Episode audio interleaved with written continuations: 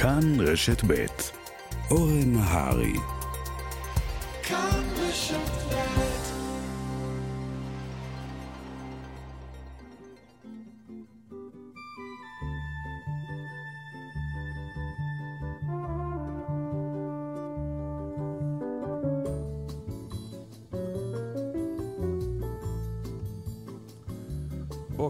שבת שלום לכם המאזינות והמאזינים. תודה שהצטרפתם אלינו לשעתיים הקרובות. נזכיר, התוכנית תשודר גם בשידור חוזר מחר בלילה, ותהיה זמינה באתר ובאפליקציה. מאיה טלמון עזרזר המעולה, עורכת משנה ומפיקה, ביצוע טכני יוראי פיקר, אני אורן נהרי.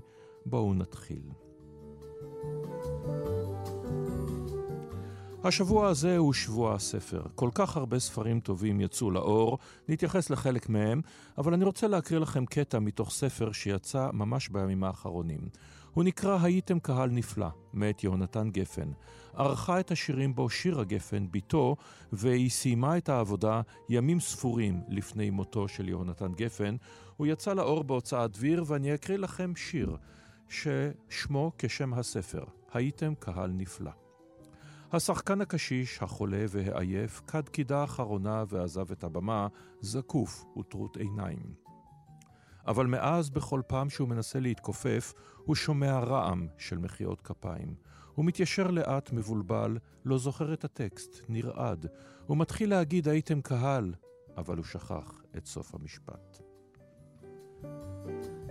והנושא הראשון שאליו אנחנו רוצים לפנות אליו הוא החלל, לא פחות. אז איך אפשר בלי להתחיל עם השיר המופלא של דיוויד בואי, Space Oddity?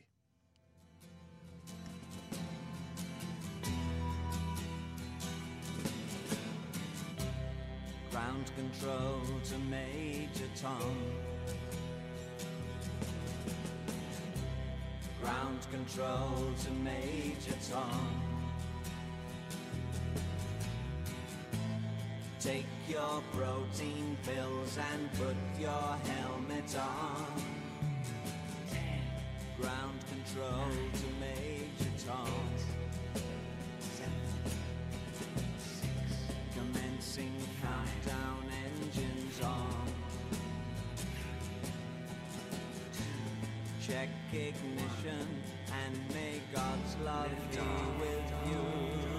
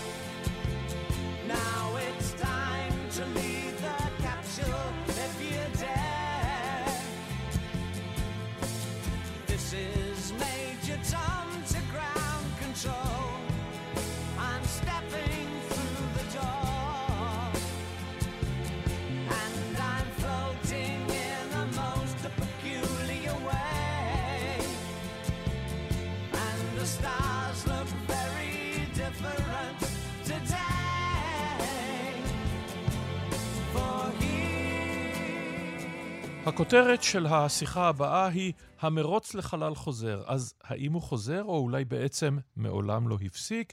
שלום לטל ענבר. שלום אורן. מומחה לנושאי חלל, חבר ועדת ההיסטוריה של האקדמיה הבינלאומית לאסטרונאוטיקה.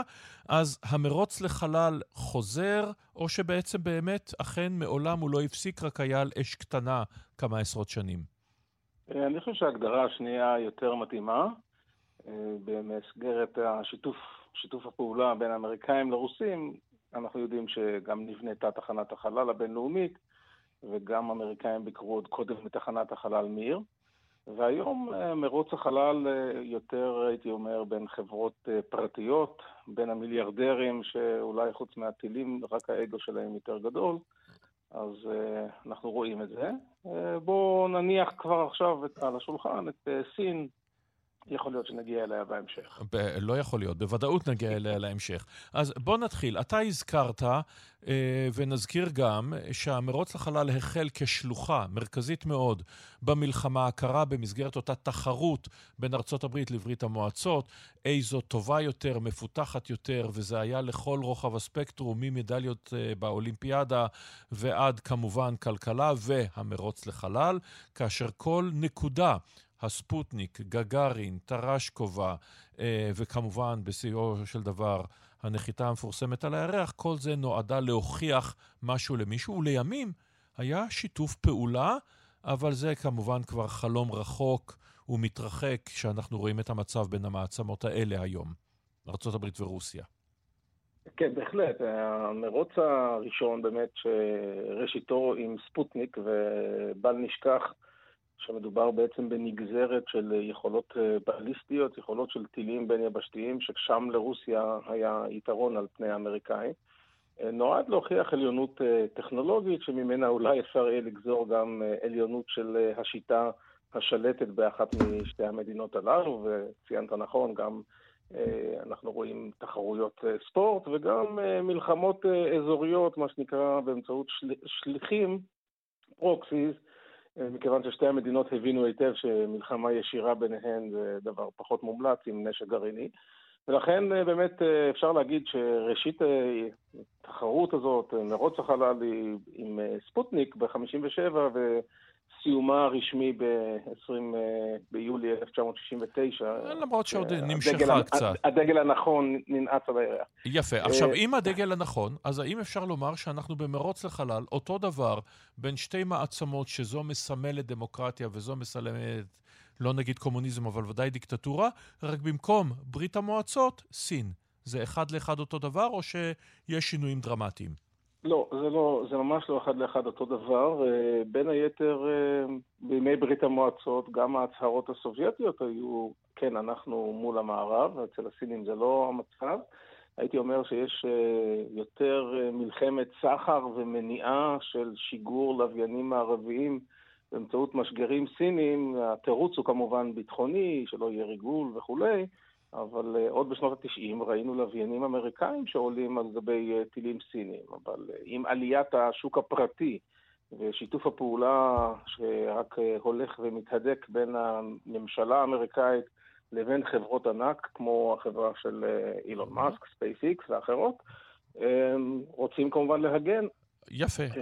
אז בואו נדבר בדיוק על הנקודה הזאת. המרוץ לחלל היה, כמו הרבה מאוד פרויקטים אחרים, היה עניין שרק ממשלות יכלו לעמוד בעלות הבלתי נתפסת של הנושא הזה, והנה בשנים האחרונות, אתה הזכרת את המיליארדרים המפורסמים שבהם, זה אילון מאסק, ג'ף בזוס, יריבו הגדול, אה, וצריך להזכיר גם את ריצ'רד ברנסון אה, הבריטי, אבל יש עוד שורה של חברות שכל אחת ואחת מהן מדברת על פיתוח של רקטות או טילים או גשושיות או כל דבר אחר, ונכנסות לתחום הזה, ולא רק כיצרניות חלקים, חלפים או איזשהו משהו ספציפי, אלא ממש הולכות על הכל.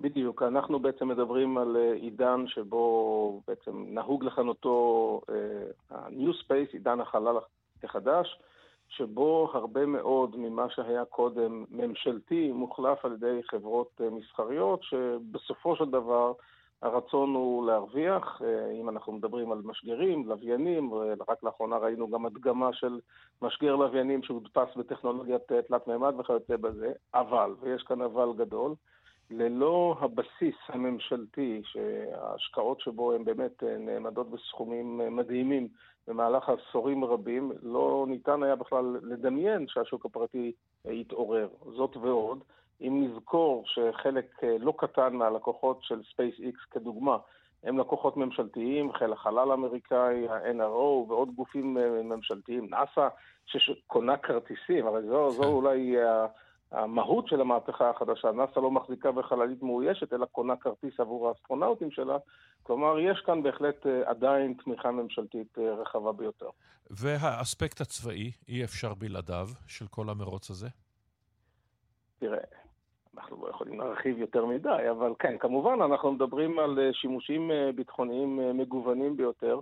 הייתי אומר שאולי אחד הדברים המעניינים ביותר סביב המלחמה של רוסיה נגד אוקראינה זה השימוש בנכסים חלליים אזרחיים ומסחריים למטרות צבאיות, שכאן אפשר להזכיר מחד... את סטארלינק? ש... כן, כן, סטארלינק ודאי, כ... כאמצעי תקשורת ומשהו שבעצם נטרל את היכולות הרוסיות אה, לחסום תקשורות אה, למגוון יישומים, אבל גם שימוש נרחב ביותר בלווייני תצפית, לווייני. חישה מרחוק מסחריים, על מנת אה, לאפשר לאוקראינים להבין מה קורה ובעצם לייצר מטרות עבור תקיפה. ואנחנו בהחלט רואים יותר ויותר השקעות ממשלתיות אדירות mm-hmm. בתחומים הצבאיים, תוך כדי הבנה שבעולמות הסייבר למשל, אתה יכול לתקוף בין אם תחנות קרקע, בין אם את התקשורת, או אפילו את הלוויין עצמו, באמצעים שונים. רק לאחרונה ראינו, שוב, מטוס חלל של סין, שהוא בעצם המקבילה של מה שיש לאמריקאים, משהו שיכול, אין אוויר, אז אי אפשר לרחרח, אבל אפשר להתקרב ולבחון מה קורה בלוויינים של מישהו אחר. אם אתה יכול להתקרב, אתה יכול גם לקלקל. ברור. ואם אנחנו מדברים על הנושא הזה, מה בעצם המטרה? ארה"ב באה ואומרת, אנחנו רוצים את משימת ארתמיס, כלומר להנחית אדם על הירח. הפעם האחרונה שזה קרה זה 1972, לפני יותר מ-50 שנה. אה, למה בעצם? הרי אין לזה שום ערך מדעי, מחקרי, שום דבר למעט אולי אגו, או... שהם צריכים לעשות את זה כאבן דרך לקראת מאדים? תראה, הסיסמה היא באמת אה, אבן דרך אה, כלפי מאדים, כי אנחנו מדברים על משהו שהוא הרבה יותר קרוב, יותר נגיש, אה, יותר קצר, משך המסע כמובן, ו... אז זה דבר אחד. אבל אני קצת הייתי אומר חלוק על הקביעות שאין מה לחקור. אנחנו ביקרנו בירח לפרקי זמן קצרצרים, ועכשיו אנחנו רוצים לנחות במקום שבו אנחנו יודעים שיש מים, בצורה של קרח כמובן, mm-hmm. ולחקור עוד הרבה למשך זמן, ואין לדעת לאן הדברים האלה כמובן אה, אה, יתקדמו. כך שקודם כל עדיין מחקרית בוודאי שיש, mm-hmm. מה לעשות שם. מעבר לזה, אה, כל דבר שמלמד על שהייה ממושכת של אנשים בסביבות קיצון, כמו הירח שלנו, זה משהו שמקדם אותנו לכיוון מאדים. רק לאחרונה שמענו הצהרה מסין שהיא מתכוונת להגיע למאדים כנראה לא מאוד מאוד רחוק, ואז ייתכן שאנחנו נראה איזשהו שידור חוזר של אה, מרוץ החלל, כשהפעם היעד הוא מאדים. אה, שזה אגב תועד באופן נפלא, אמנם באופן שונה קצת. ב... אה, בסדרה מצוינת שנקראת עבור כל האנושות, אה, שהיא אה, מעין היסטוריה חלופית שבה ברית המועצות נחתה ראשונה על הירח. ואם אנחנו בעניינים של, אתה יודע, מדע בדיוני, שהולך ונהיה יותר ויותר מעשי עם הזמן, מתי נראה, לדערכתך, מושבה על הירח, אולי על האסטרואידים, אולי על המאדים? זה משהו שניתן לצפות לו בימי חיינו, חיי ילדינו? תראה, קודם כל לגבי ימי חיינו, אתה יודע, עכשיו עם כל הסוגיה של השתלת שבבים בגוף ואולי העברת חלק מהתודעה שלנו בעתיד אה, למחשבים, אז יכול להיות שאנחנו נראה את זה. אפרופו מדע בדיוני, שפחות. כן. אפרופו מדע בדיוני, אני מניח שהסבירות לכך אה, איננה גבוהה.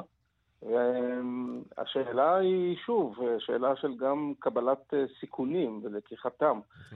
כי אפשר היה עקרונית, מבחינה טכנולוגית, אם היו ממשיכים את אפולו ולא מפסיקים אותה בראשית שנות ה-70, אפשר היה להגיע לה, אפילו למאדים בשנות ה-90 של המאה הקודמת. אבל uh, יש אולי רצון, אין uh, יכולת להביא את המשאבים הנדרשים, והם כנראה כבדים ביותר. אז מושבה זה עוד רחוק, אבל uh, תחנת מחקר שמאוישת uh, פרקי זמן ארוכים על הירח זה משהו שעקרונית, בהינתן תקציב, לתוך uh, עשר שנים ומעלה אפשר לייצר. אבל מעבר לזה, מאדים, אני חושב שהבשורה הטובה היא שהאנשים הראשונים על מאדים כבר נולדו. הבשורה הפחות טובה, אני מעריך שהם לכל היותר בחטיבת ביניים איפשהו בעולם. תודה לך על הדברים האלה, טל ענבר, מרתקת תמיד. תודה רבה. נמלטים, זה שמו של ספר חדש בהוצאת כנרת זמורה. הכותרת מסקרנת, כותרת המשנה מסקרנת עוד הרבה יותר. שכירי חרב נאצים במלחמה הקרה. שלום לפרופסור דני אורבך. שלום אורן, בוקר טוב. בוקר אור, מחבר הספר, היסטוריון צבאי מהחוגים להיסטוריה ולימודי אסיה באוניברסיטה העברית.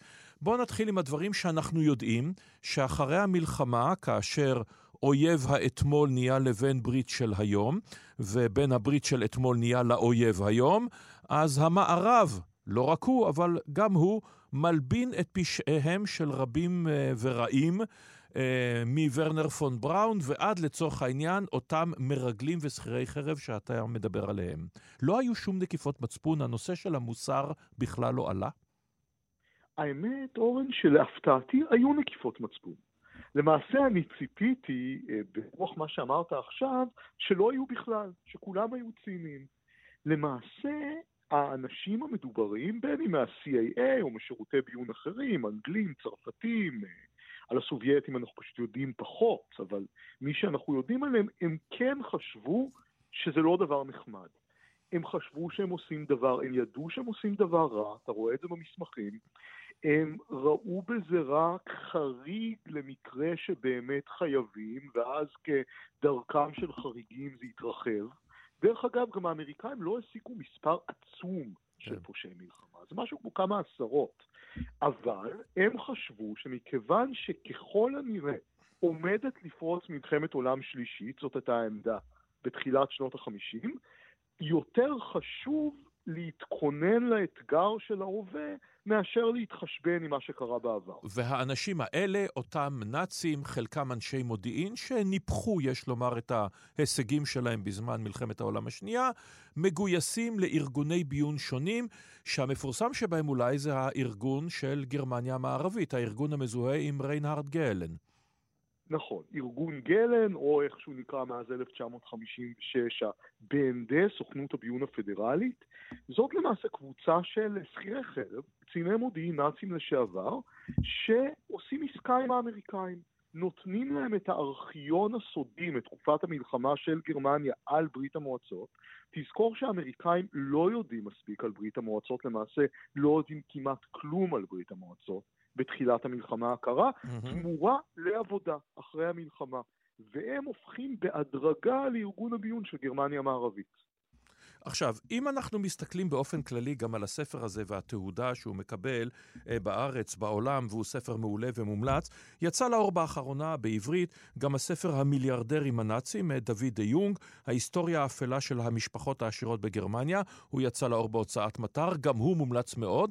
אבל הנקודה בשני הספרים האלה, אחת הנקודות היא שגרמניה המערבית לא באמת עברה דנאציפיקציה. חלק חלק כן, ניטלו משפט נירנברג הראשון, חלק שילמו על פשעיהם במדינות אחרות, אבל בגדול חזרנו מהר מאוד, או גרמניה או המערב, חזר מהר מאוד ל-business as usual. אבל זאת, פה יש איזו נקודה אירונית שאני מאוד מאוד מדגיש בספר. אני חושב, בניגוד למה שמקובל לומר, שגרמניה המערבית כן עברה דנאציפיקציה, אבל לא באופן שבו מקובל לומר. Mm-hmm. הדנאציפיקציה האמיתית הייתה התבוסה ב-45. Mm-hmm. לא מה שהיה אחר כך. מכיוון שהתבוסה ב-45 הכריחה אפילו את רוב אלה שהיו נאצים להבין שבגדול דרכו של היטלר נכשלה. זה בגלל שהייתה הייתי... כה מוחלטת וכה סופית בניגוד למלחמת העולם הראשונה. בדיוק. ולכן אפילו ניאו-נאצים בשנות החמישים למשל, אה, מסמכים שאני קראתי, אני רואה מנהיג ניאו-נאצי בשנות ה-50, הוא אומר, אין בעיה אלא לעבוד עם יהודים, כי המלחמה הוכיחה שהיהדות היא מעצמה עולמית. Mm-hmm.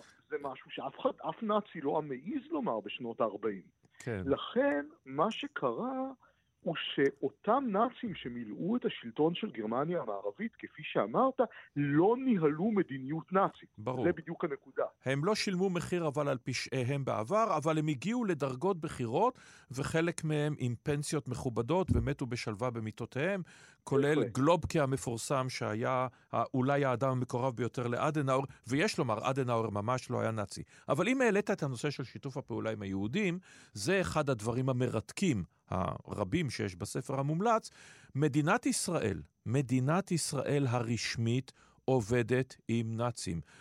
עכשיו, אפשר להבדיל בדוחק בין נניח איש צבא, אוטו סקורצני, אה, לוחם מיתולוגי, שאין לגביו עדויות אה, חד משמעיות לגבי השתתפותו בפשעי מלחמה, אבל וולטר ראוף, האיש של משאיות הגזים, זאת חרפה איומה, אין ספק. ב-1949 אה, ישראל, למעשה המחלקה למחקר מדיני במשרד החוץ, המוסד עוד לא קיים באותה תקופה, אה, נמצאת באיטליה, ושם מנסה להשיג מקורות בקרב אותם היועצים הנאצים שעוזבים את המזרח התיכון אה, או את אירופה בדרכם לדרום אמריקה. ודוקטור שלהבת פרייר, לימים אה, אבי תוכנית הגרעין הישראלית, מוצא את אותו ולטר ראוף, ולטר ראוף עבד כסוכן בסוריה, נזרק מסוריה mm-hmm. אחרי הפיכה צבאית, והוא כועס על מעסיקיו הקודמים, והוא מוכן לתת מידע לישראל. לא ברור לחלוטין האם פרייר ידע שמדובר בממציא משאיות הגז, אבל מה שברור זה שהוא לא טרח לברר. הוא השתדל מאוד שלא לברר, הוא ושאר האנשים. בדיוק. בדיוק. במופלא ממך אל תחקור, כי המידע המודיעיני טוב. אבל כמו ה-CAA, גם ישראל, גם פרייר, חשבו שמאבקי ההווה יותר חשובים ממה שקרה בעבר. זה מאפיין אנושי כללי. שים לב מתי הגינוי המוסרי לדברים כאלה מתחיל בדרך כלל? אחרי שהצורך נעלם. ברור. אחרי שברור שכבר לא תהיה מלחמת עולם שלישית עם הסובייטים. אחרי שהמעמד של ישראל יתבסס. אז מכים על חטאי העבר. יש גם נקודה נוספת, כפור. אבל היא חורגת מתחום השיחה הזאת ומהספר, שהדור השני... שנולד אחרי המלחמה, מגיע לפרקו ומתחיל לשאול שאלות קשות את ההורים שלהם, אז, בשנות ה-70 וה-80, מתחיל המצוד המחודש. אבל ישנה עוד נקודה מאוד מאוד חשובה, וזה פרשת המדענים הגרמניים. ישראל הצעירה, ואפשר לבוא ולטעון את הטענה הידועה והנכונה תמיד, שהראייה הטובה ביותר בעולם היא לא ראייה שש, אלא ראייה בדיעבד. ישראל, ספציפית איסר הראל, אתה מטיל עליו את האחריות בנושא הזה, אה, מגיעים למסקנה שהמדענים הגרמניים, בוגרי V1, V2, הם ייתנו לנאצר, היטלר החדש, את הנשק האיום שיביא להשמדת מדינת היהודים, וישראל יוצאת למאבק ללא פשרות נגד אותם מדענים גרמניים, תוך כדי שימוש בחלק מהם, תוך כדי ניסיונות חיסול, תוך כל הדברים האלה. האם טעינו בזמן אמת? תנסה להסתכל בעיני האנשים שצריכים לקבל את ההחלטות אז. אני, קודם כל כן טעינו. אני מבין למה טעינו. אה, ישראל, כמו שאמרתי קודם, העדיפה את מלחמות ההווה על חשבונות מהעבר. אבל זה לא אומר שהזיכרונות מהעבר לא היו משפיעים. ברגע שהתדמית של הנאצי החדש, הרלוונטי, נאסר, התלכדה עם התדמית של הנאצי הישן, הגרמני, כל הטריגרים של העבר התפוצצו. וזה עורר אנרגיות עצומות של חרדה אצל איסר הראל, ולא רק אצלו. רק מה? גם בזמן אמת היו אנשים שאמרו, בעיקר מאיר עמית, שהיה ראש אמ"ן, שימו לב, אין למדענים האלה תנאים לייצר טילים באמת מסוכנים במצרים. בעיקר אין להם יכולת לייצר מערכות הנחיה. מה גם, והיו כאלה בישראל שאמרו את זה כבר בזמן אמת, שאלה לא המדענים הטובים ביותר. המדענים הטובים ביותר, ורנר פון בראון, הזכרת אותו, האמריקאים והסובייטים כבר לקחו את כולם. מה נשאר למצרים? מדענים מדרגה ג' וד'. זה לא בדיוק האנשים שיוכלו לסכן את קיומה של ישראל. ובסופו של דבר התברר שפרויקט הטילים היה אכן בדיחה, ואלה שהתריעו בזמן אמת באמ"ן שהוא בדיחה, בסופו של דבר אה, צדקו. והנושא הזה הוא נושא מרתק, ושוב אבוא ואומר, אה, של כל הפרשה הזאת, של אותם נאצים, ויש עוד הרבה דברים שלא הצלחנו להגיע אליהם, כמובן, לא נזכה פה את כל הספר, אה, הפרשה שבה צרפת מנסה לחסל סוחרי נשק, נאצים לשעבר, שיתוף הפעולה בין הנאצים הוותיקים, אלה המשרתים את הגוש המזרחי ואלה המשרתים את הגוש המערבי, כל זה כמובן בספר שעליו אני ממליץ, כמו גם על הספר המיליארדרים הנאצים, על ההיסטוריה האפלה של המשפחות העשירות בגרמניה אז, שבאורח פלא הצליחו, כולן למעשה, לשמור על רכושן עד עצם היום הזה. תודה רבה לך, הפרופסור דני אורבך. תודה, אורן.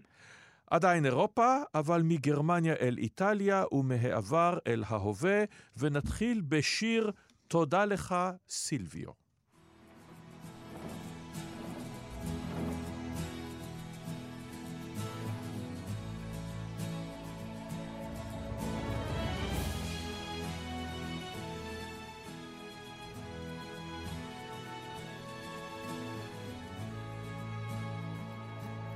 C'è un grande sogno che vive in noi.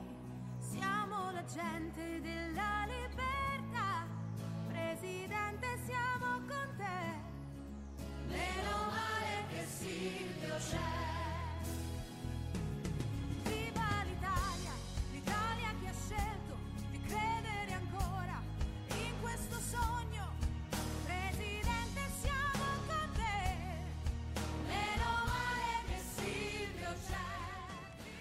תודה לאל על סילביו. זה השיר סילביו ברלוסקוני, אחת הדמויות הססגוניות ביותר בפוליטיקה העולמית, או אפילו האיטלקית, בלשון המעטה, וצריך לחשוב היטב האם זו מחמאה.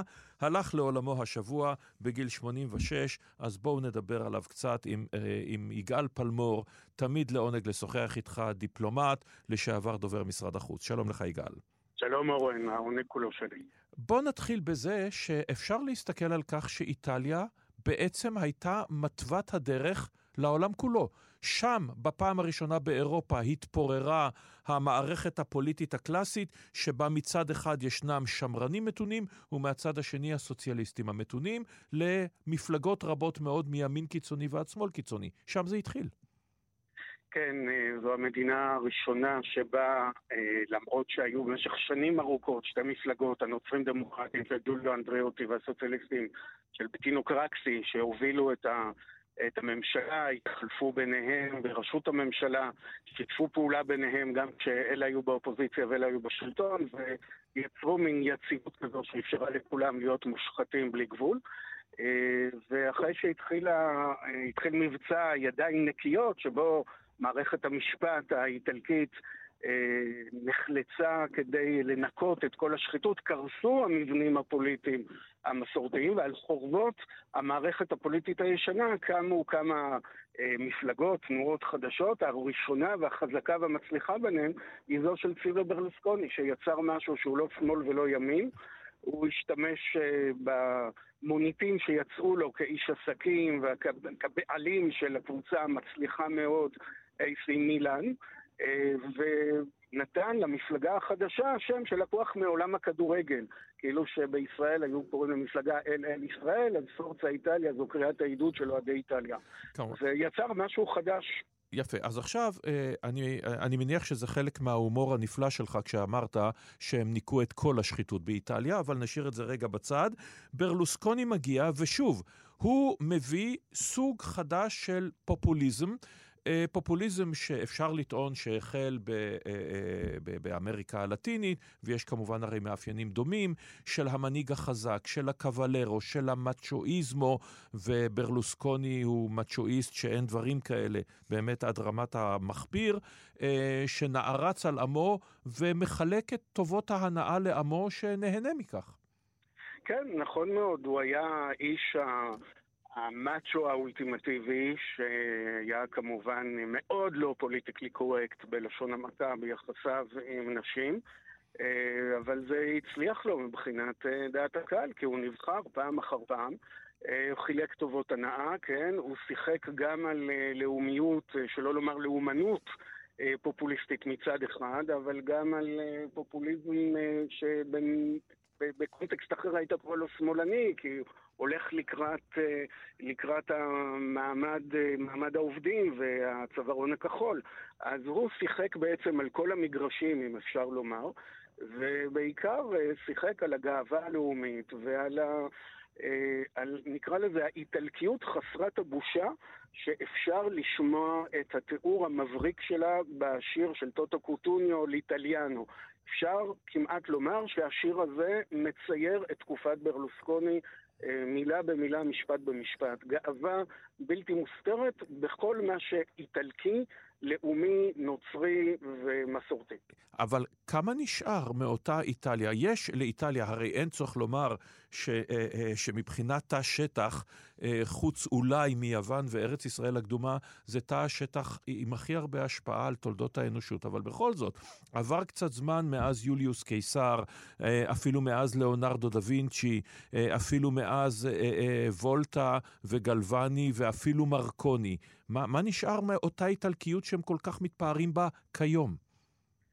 אה, תראה, אה, עובדה שכולנו, אה, כשאומרים איטליה, חושבים על אופנה, על סטייל, על אוכל, על נופים, על אומנות, על עיצוב. בדיוק. אה, זה, אלה הדברים הראשונים שעולים בראש כשאתה חושב על איטליה. אה, זו אחת המדינות המתוירות ביותר, אולי השנייה המתוירת בעולם אחרי צרפת. בצדק אה, מוחלט, אבל המדינה... ועדיין אבל... יש תעשייה איטלקית, בוא לא נזלזל. אני רוצה להזכיר לך שחיל האוויר שלנו לפני כמה שנים רכש מטוסי אימון איטלקיים. אה, ועדיין יש מכוניות איטלקיות על כבישי ישראל ועל כבישי אירופה, אהה. למרות השליטה היפנית והקוריאנית. אז לא צריך לזלזל גם בתעשייה האיטלקית. אה, אבל גם אה, כמובן בתעשיית המזון, האופנה, אה, האומנות והעיצוב, אז יש, יש עוד הרבה מאוד לאיטליה להציע לאנושות. חד משמעית. עכשיו, למה ברלוסקוני? הוא נבחר פעם אחר פעם, הוא ראש הממשלה שכיהן הכי הרבה פעמים, הכי הרבה זמן, אחרי מלחמת העולם השנייה, וזה כשבמפלגה הדמו-נוצרית התחלפו ביניהם פנפני ואנדריאוטי ו- ואלדו מורו, כולם התחלפו זה עם זה. מה, מה החזיק אותו על הגלגל כל כך הרבה זמן? תראה, קשה לשים את האצבע על דבר אחד. אף אחד מעולם לא האשים אותו בניקיון כפיים וביושר אה, ומוסר. אלה האשמות שאני לא זוכר שהעלו נגדו. אבל אה, כנראה שדווקא בגלל זה ציבור רחב מאוד אה, אהב את החוצפה, את התעוזה, את הדרך שבה הוא הצליח למרות, אה, למרות הפוליטיקלי קורקט ולמרות הכל, אה, להצליח, להצליח בעסקים, להצליח בכדורגל, להצליח בפוליטיקה. התדמית הזאת כנראה אה, עזרה לו, וגם העובדה שהוא, כמו שאמרתי, שיחק בהצלחה רבה על הרגש הלאומי. אה, אני חושב שגם העובדה שבתחילת דרכו, כשהוא רק נבחר בפעם הראשונה, אה, באירופה אפילו החרימו אותו ואת ממשלתו, אני זוכר Mhm. שממשלת צרפת החרימה מפגשים עם שרים איטלקיים. אה, כשאתה חושב על זה היום זה ממש מצחיק. אני Mhm. חושב שהדווקא הזה לאירופה גם עזר מאוד אה, לפופולריות שלו. בואו לא נשכח גם שלא כל האיטלקים אה, הצביעו עבורו, כן? ברור. היו לו מתנגדים ושונאים ומבקרים, אבל בסך הכל אה, עובדה שכשהוא נבחר, הוא נבחר ברוב, ברוב קולות, אף אחד לא טען שהוא גנב את הבחירות או משהו, ככה שהבחירה הייתה דמוקרטית לגמרי. והיו בו אלמנטים שאולי לא האיש האידיאלי בעיני איזה מודל אה, אנגלו-סקסי של ניקיון כפיים, אבל בעיני מי שגדל אולי על, על הנסיך של מקיאוולי, הוא בהחלט נראה אה, מנהיג אידיאלי. וצריך לומר שהיה לו, עם הכל, עם הכל, איזשהו סוג של שרם, גם באמת בדברים האיומים ביותר, הרי המיטו מעולם לא הגיע, אה, כך נראה, לאיטליה, או למדינות רבות אחרות, צריך לומר, באירופה, אה, מעבר לבריטניה וכולי. אבל בעוד דבר אחד חשוב, ברלוסקוני ואיטליה הקדימו את זמנם, שזה הנושא של עליית הימין, לא רק הפופוליסטי, לא רק פופוליזם, אלא עליית הימין הקיצוני, הימין הבדלני. כלומר, מפלגת אה, איטליה אה, של אה, ש, אה, המפלגה הבדלנית, וכיום איטליה היא המדינה הראשונה באירופה המערבית, שבה יש ברית שקמה מאותו מפץ גדול, שזה כבר לא אותו ברלוסקוני שמגיע, אלא באמת ימין קיצוני שטוען שהוא שינה את אה, דרכו, והם כבר לא בדיוק יורשי מוסוליני, ובוודאי לא אנטישמים, אבל המאפיינים של אנטי-הגירה, של נצרות, של אה, נגד הקהילה הלהט"בקית וכולי וכולי.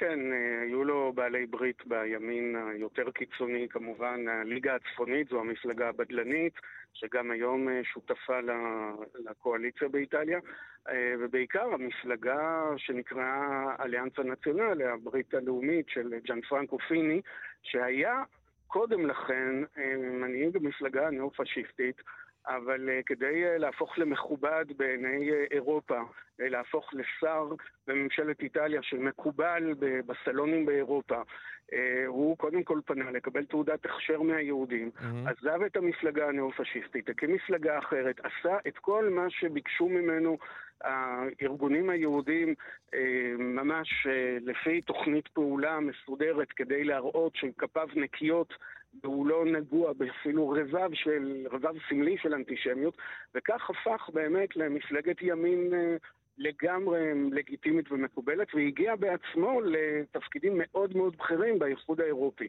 אז אפשר לומר שברלוסקוני אמנם צירף אליו גורמים בימין הלאומני והקיצוני, אבל הם בתקופתו לפחות עשו מאמצים כבירים כדי להתמרכז אה, ולהתנער מהמורשת האנטישמית של העבר הפשיסטי. וזה אגב קורה באירופה כולה, זה קורה גם בצרפת, קורה גם. במידה מסוימת. באוסטריה, גרמניה, אוטוטו הליך של לקבל את ההכשר ממדינת היהודים אה, שזה כמובן הדבר המרכזי. מה כעת? המפלגה שלו, פורצה איטליה, זה היה one man show. מה אתה חוזה שיקרה כעת? פשוט המצביעים שלו יעברו לג'ורג'יה מרוני ולאחרים באותו אזור? קשה מאוד לחזות, אתה יודע, הפוליטיקה בכלל והחיים באופן כללי הם לא דבר שניתן לחיזוי. אה, אמרו את זה גדולים ממני. אה, אין ספק שהמפלגה הייתה one man show, הקסם לקסם האישי של ברלוסקוני אין תחליף. הבוחרים יחפשו כתובת לפי אה, מנהיגות או לפי רעיונות. יש כמובן את מפלגת חמשת הכוכבים, המאוד מאוד פופוליסטית. יש את המפלגה האחים של כן. איטליה, של ג'ורג'ה מולוני, שכרגע מצליחה להוביל את איטליה בהצלחה יחסית בהחלט מרשימה. אה, ויכול להיות שיתפזרו גם למקומות אחרים, או בכלל יישארו בבית ולא יצביעו. אחוז אה, אי ההשתתפות בבחירות הוא ניכר. בוודאי. תודה לך על הדברים האלה. יגאל פלמור, מרתק כתמיד. תודה. ואנו ממשיכים עם הפינה שלנו, איך ייראה העולם בשנת 2050, הפעם עם מוצר בסיסי. כל כך בסיסי שאנחנו לעיתים שוכחים כמה הוא קריטי, כלומר אנחנו שהוא זמין לנו, מים. למען הדיוק, מי שתייה, וכדי להכניס אותנו לנושא, הנה השיר "מה עם המים" לאה נאור, נורית הירש ואילנית. המים, החלון של הוציא החוצה ראש לבן, וקרא לאנשים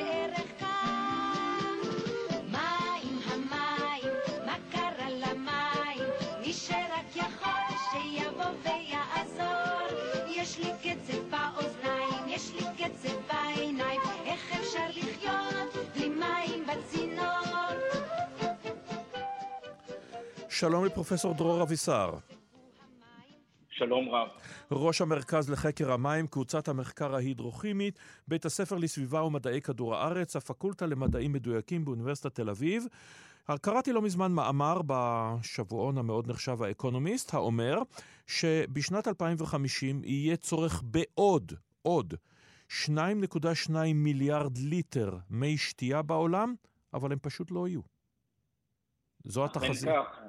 תראה, יש אה, הרבה מאוד אנשים. האוכלוסייה צפויה לגידול מסיבי גם באזור שלנו וגם באזורים אחרים.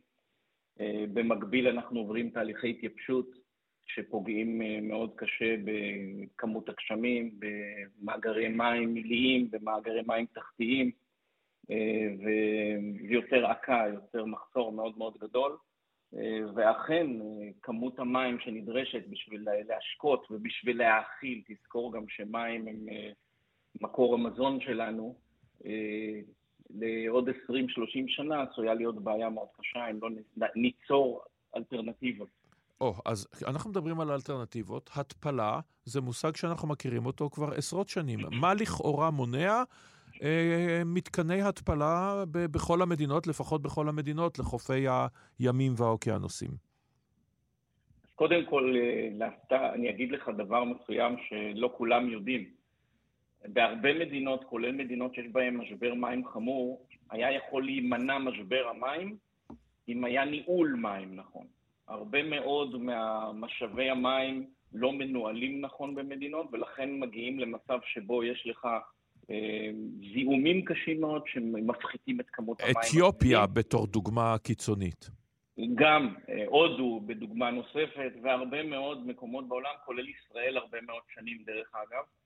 אה, ולכן ניהול הוא דבר מאוד מאוד חשוב. גם ביצירת אלטרנטיבות והטמעת טכנולוגיות קיימות, צריך ניהול נכון, וצריך ניהול מים לטווח ארוך. וניהול מים לטווח ארוך, מעבר להיבט ה...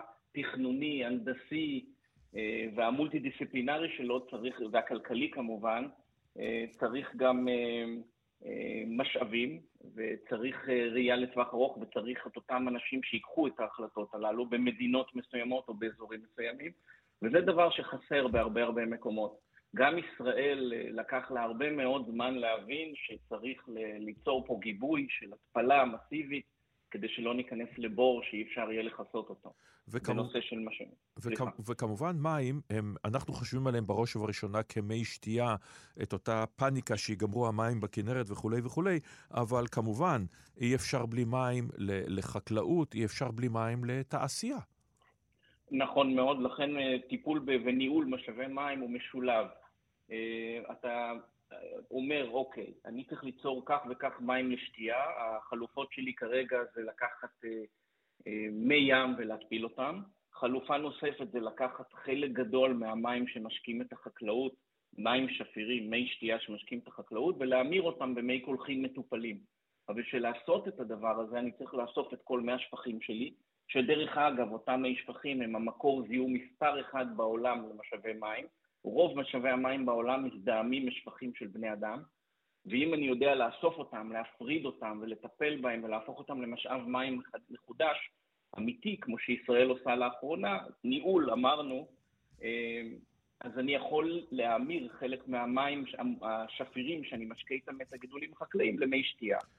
וכ- וכ- ו- וכמובן אחד הדברים הקריטיים בנושא הזה הוא שיתוף פעולה בינלאומי, בין מדינות, כולל מדינות שכנות שלעיתים קרובות, מי כמונו יודע, הן אויבות זו של זו. ממש ככה. אם אתה שואל אותי מה מטריד אותי באמת ב-20, 30, 40 שנה הקרובות, מטריד אותי באמת שישראל תהיה המדינה היחידה במזרח התיכון שיהיה לה מקורות מים. שאנחנו נעשה תוכניות של ישראל 30 וישראל 40 וישראל 50 ונקים עוד מתקני התפלה כי אנחנו יודעים ויכולים ויש לנו את חוף הים. ונהיה באמת מדינה שתוכל להפיק בעצמה את מקורות המים, לספק לאוכלוסייה הגדלה ולספק מזון גם. אבל מה קורה לכל שאר המיליונים, עשרות ומאות מיליונים מסביבנו שמתייבשים? דרך אגב, המזרח התיכון, בתחזיות של אפקט של ההתייבשות, ההתחממות הגלובלית, אמור לסבול בין המקומות שיסבלו הכי הרבה בעולם, והתייבשו הכי הרבה בעולם. מה יקרה לאותם מיליונים ומאות מיליונים שלא יהיה להם פתאום משאבי מים, ולא יהיה להם משאבי מים לגדל מזון, ובלי שום אג'נדה פוליטית או דתית, יקומו ויצעדו לעבר הגבולות של אותו מדינה שיש לה.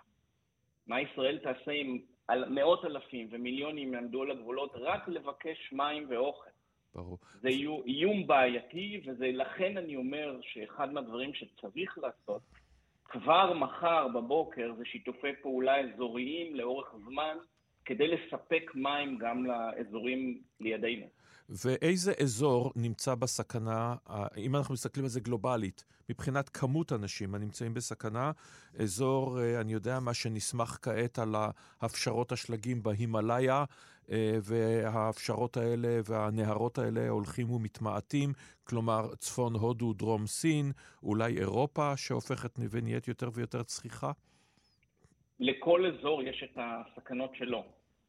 באזור הודו וצפון ההימאליה ובנגלדש יש בעיות קשות מאוד של נהרות שגם שלגים שמפשירים וגם קרק... אה, יערות שנעלמו והקרקעות נסחפות והם סובלים אה, זרמי בוץ אדירים שמכסים להם שם כפרים ואזורי חקלאות והמון המון אנשים סובלים אה, ממחסור גם של מים ראויים לשתייה וגם מאזורי חקלאות ובאירופה זה פשוט התחממות של מזג אוויר שהם לא רגילים אליו, והתייבשות של מאגרי מים, ומציאות חדשה שצריך להתרגל אליה, ועוד פעם, water management, ניהול משאבי מים, איך מנהלים משאבי מים באקלים מתייבש, בתנאים חדשים, כולל גידול אוכלוסייה.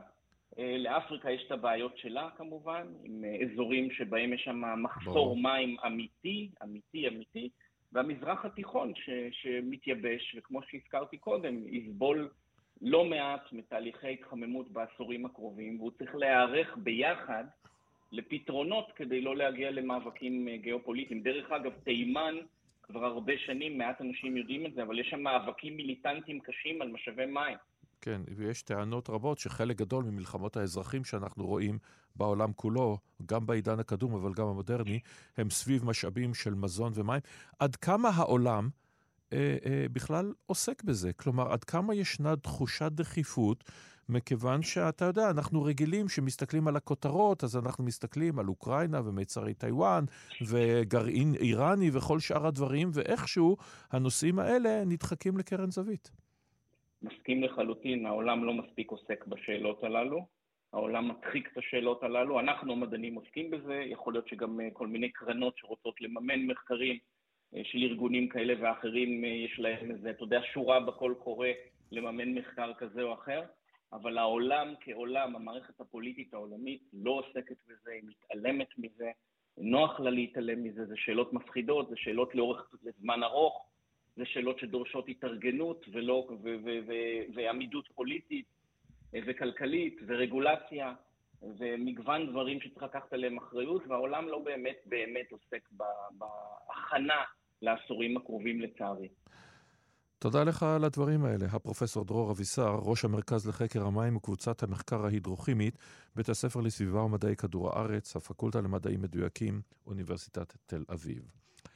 והשבוע נהרג בתאונת דרכים השחקן טריט וויליאמס. הוא שיחק בדברים רבים מאוד ובסרטים ידועים, אבל בכל זאת, בוודאי לבני הדור שלי יש תפקיד אחד ורק אחד שכולנו זוכרים ממנו, הלא הוא ברגר בשיער. אז לזכרך, טריט וויליאמס. I got laughs, sister. I got freedom, brother. I got good times, man. I got crazy ways, daughter. I got million dollar charm, cousin. I got headaches and toothaches and bad times too. Like I got my hair, I got my head, I got my brains, I got my ears, I got my eyes, I got my nose, I got my mouth, I got my teeth, I got my tongue, I got my chin, I got my neck, I got my tits, I got my heart, I got my soul, I got my back, I got my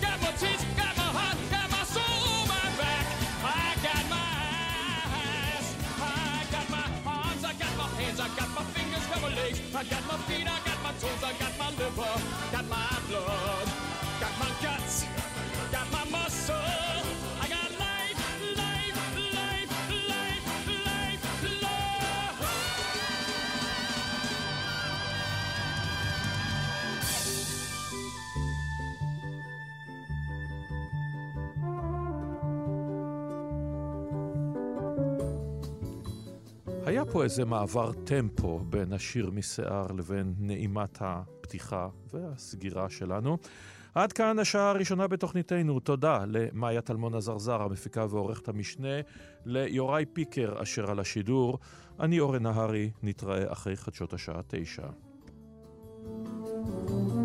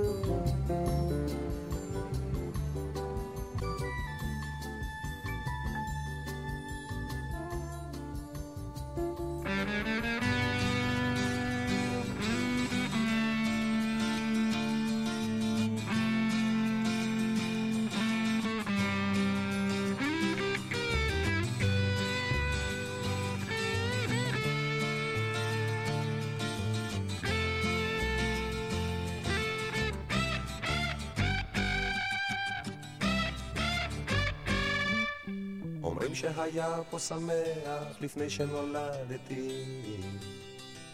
והכל היה פשוט נפלא עד שהגעתי. שומר עברי על סוס לבן בלילה שחור. בשפת הכנרת טרומפלדור היה גיבור. תל אביב הקטנה, חולות אדומים, ביאליק אחד עצי שקמים, אנשים יפים, מלאים חלומות אנו באנו ארצה לבנות ולהיבנות. כי לנו, לנו, לנו ארץ זו.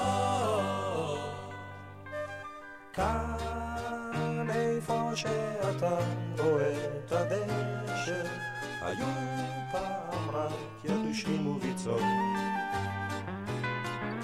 אמרו שפעם היה כאן חלום נהדר. אבל כשבאתי לראות לא מצאתי שום דבר. יכול להיות שזה נגמר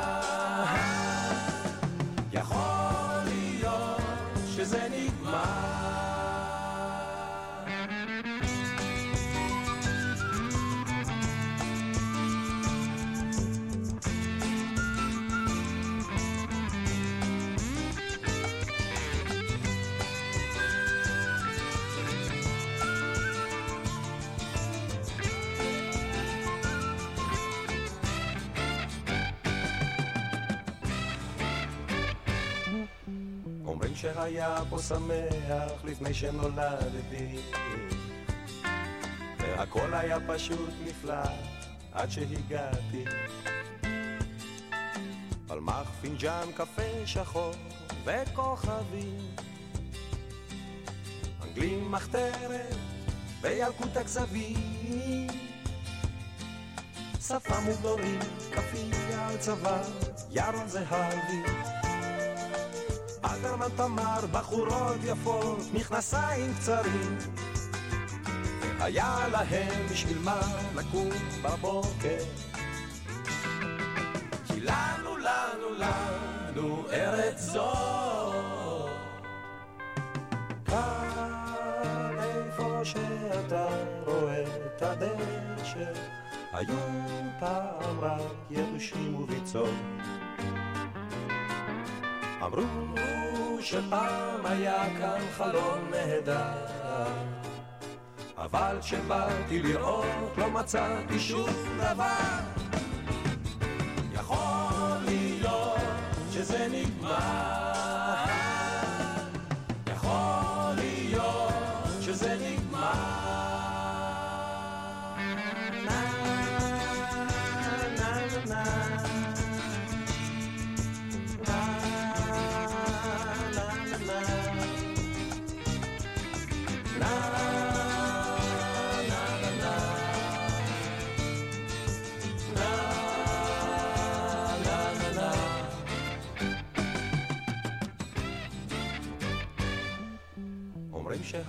פה שמח לפני שנולדתי. הכל היה פשוט נפלא עד שהגעתי. אומרים שהיה פה שמח לפני שנולדתי. הכל היה פשוט נפלא עד שהגעתי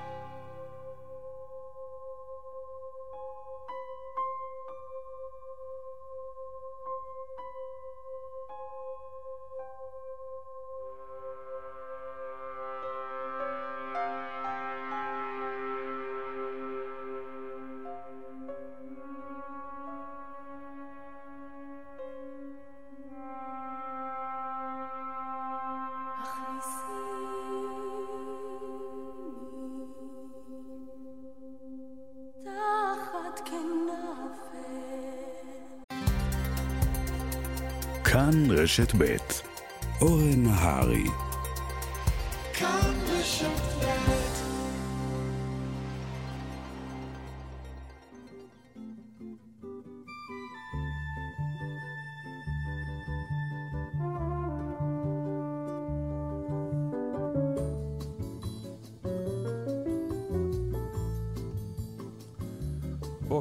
טוב, שבת שלום לכם המאזינות והמאזינים. תודה שהצטרפתם אלינו לשעתיים הקרובות. נזכיר, התוכנית תשודר גם בשידור חוזר מחר בלילה, ותהיה זמינה באתר ובאפליקציה. מאיה טלמון עזרזר המעולה, עורכת משנה ומפיקה, ביצוע טכני יוראי פיקר, אני אורן נהרי. בואו נתחיל. השבוע הזה הוא שבוע הספר. כל כך הרבה ספרים טובים יצאו לאור, נתייחס לחלק מהם, אבל אני רוצה להקריא לכם קטע מתוך ספר שיצא ממש בימים האחרונים. הוא נקרא "הייתם קהל נפלא", מאת יהונתן גפן. ערכה את השירים בו שירה גפן, בתו, והיא סיימה את העבודה ימים ספורים לפני מותו של יהונתן גפן. הוא יצא לאור בהוצאת דביר, ואני אקריא לכם שיר ששמו כשם הספר, "הייתם קהל נפלא". השחקן הקשיש, החולה והעייף, כד קידה אחרונה ועזב את הבמה, זקוף וטרוט עיניים. אבל מאז, בכל פעם שהוא מנסה להתכופף, הוא שומע רעם של מחיאות כפיים. הוא מתיישר לאט, מבולבל, לא זוכר את הטקסט, נרעד. הוא מתחיל להגיד הייתם קהל, אבל הוא שכח את סוף המשפט. והנושא הראשון שאליו אנחנו רוצים לפנות אליו הוא החלל, לא פחות. אז איך אפשר בלי להתחיל עם השיר המופלא של דיוויד בואי, Space Oddity?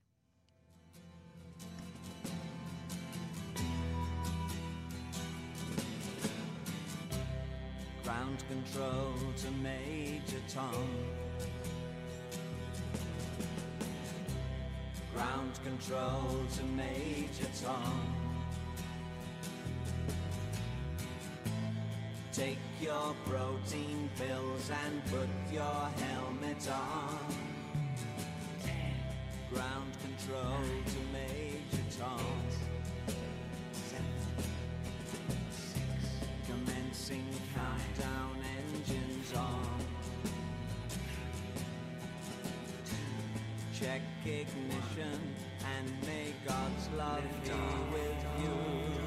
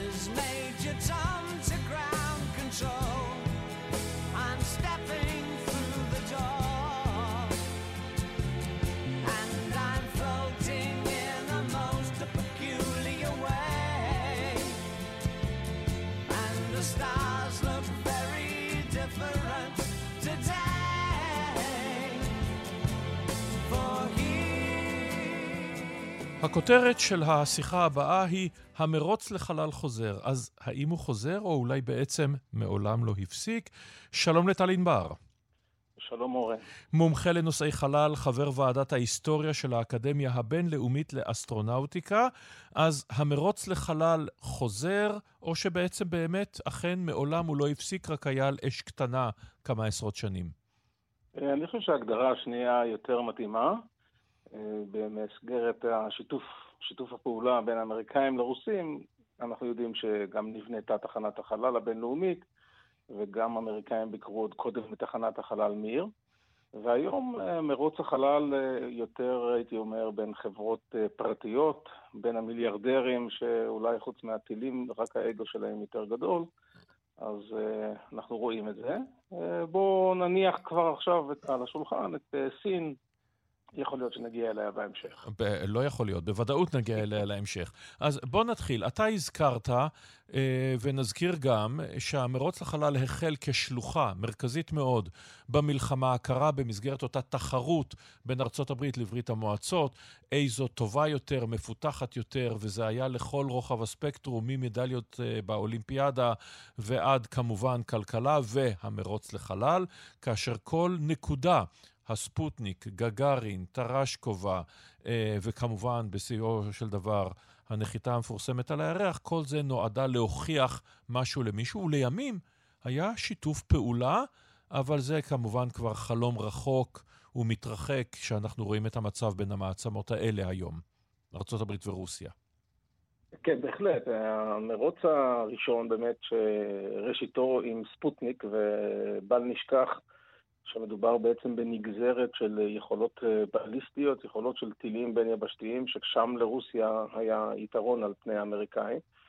נועד להוכיח עליונות טכנולוגית, שממנה אולי אפשר יהיה לגזור גם עליונות של השיטה השלטת באחת משתי המדינות הללו, וציינת נכון, גם אנחנו רואים תחרויות ספורט וגם מלחמות אזוריות, מה שנקרא באמצעות של... שליחים, proxies, מכיוון ששתי המדינות הבינו היטב שמלחמה ישירה ביניהן זה דבר פחות מומלץ עם נשק גרעיני. ולכן באמת אפשר להגיד שראשית התחרות הזאת, מרוץ החלל עם ספוטניק ב-57' סיומה הרשמי ב-20 ביולי 1969. למרות שעוד נמשכה קצת. הדגל הנכון ננעץ על הירח. יפה. עכשיו, עם הדגל הנכון, אז האם אפשר לומר שאנחנו במרוץ לחלל, אותו דבר בין שתי מעצמות שזו מסמלת דמוקרטיה וזו מסמלת, לא נגיד קומוניזם, אבל ודאי דיקטטורה, רק במקום ברית המועצות, סין. זה אחד לאחד אותו דבר, או שיש שינויים דרמטיים? לא, זה לא, זה ממש לא אחד לאחד אותו דבר. בין היתר, בימי ברית המועצות, גם ההצהרות הסובייטיות היו, כן, אנחנו מול המערב, אצל הסינים זה לא המצב. הייתי אומר שיש יותר מלחמת סחר ומניעה של שיגור לוויינים מערביים באמצעות משגרים סינים. התירוץ הוא כמובן ביטחוני, שלא יהיה ריגול וכולי. אבל עוד בשנות ה-90 ראינו לוויינים אמריקאים שעולים על גבי טילים סינים, אבל עם עליית השוק הפרטי ושיתוף הפעולה שרק הולך ומתהדק בין הממשלה האמריקאית לבין חברות ענק, כמו החברה של אילון מאסק, ספייס-איקס ואחרות, רוצים כמובן להגן יפה. כן. אז בואו נדבר בדיוק על הנקודה הזאת. המרוץ לחלל היה, כמו הרבה מאוד פרויקטים אחרים, היה עניין שרק ממשלות יכלו לעמוד בעלות הבלתי נתפסת של הנושא הזה, והנה בשנים האחרונות, אתה הזכרת את המיליארדרים המפורסמים שבהם, זה אילון מאסק, ג'ף בזוס, יריבו הגדול, אה, וצריך להזכיר גם את ריצ'רד ברנסון אה, הבריטי, אבל יש עוד שורה של חברות שכל אחת ואחת מהן מדברת על פיתוח של רקטות או טילים או גשושיות או כל דבר אחר, ונכנסות לתחום הזה, ולא רק יצרניות חלקים, חלפים או איזשהו משהו ספציפי, אלא ממש הולכות על הכל.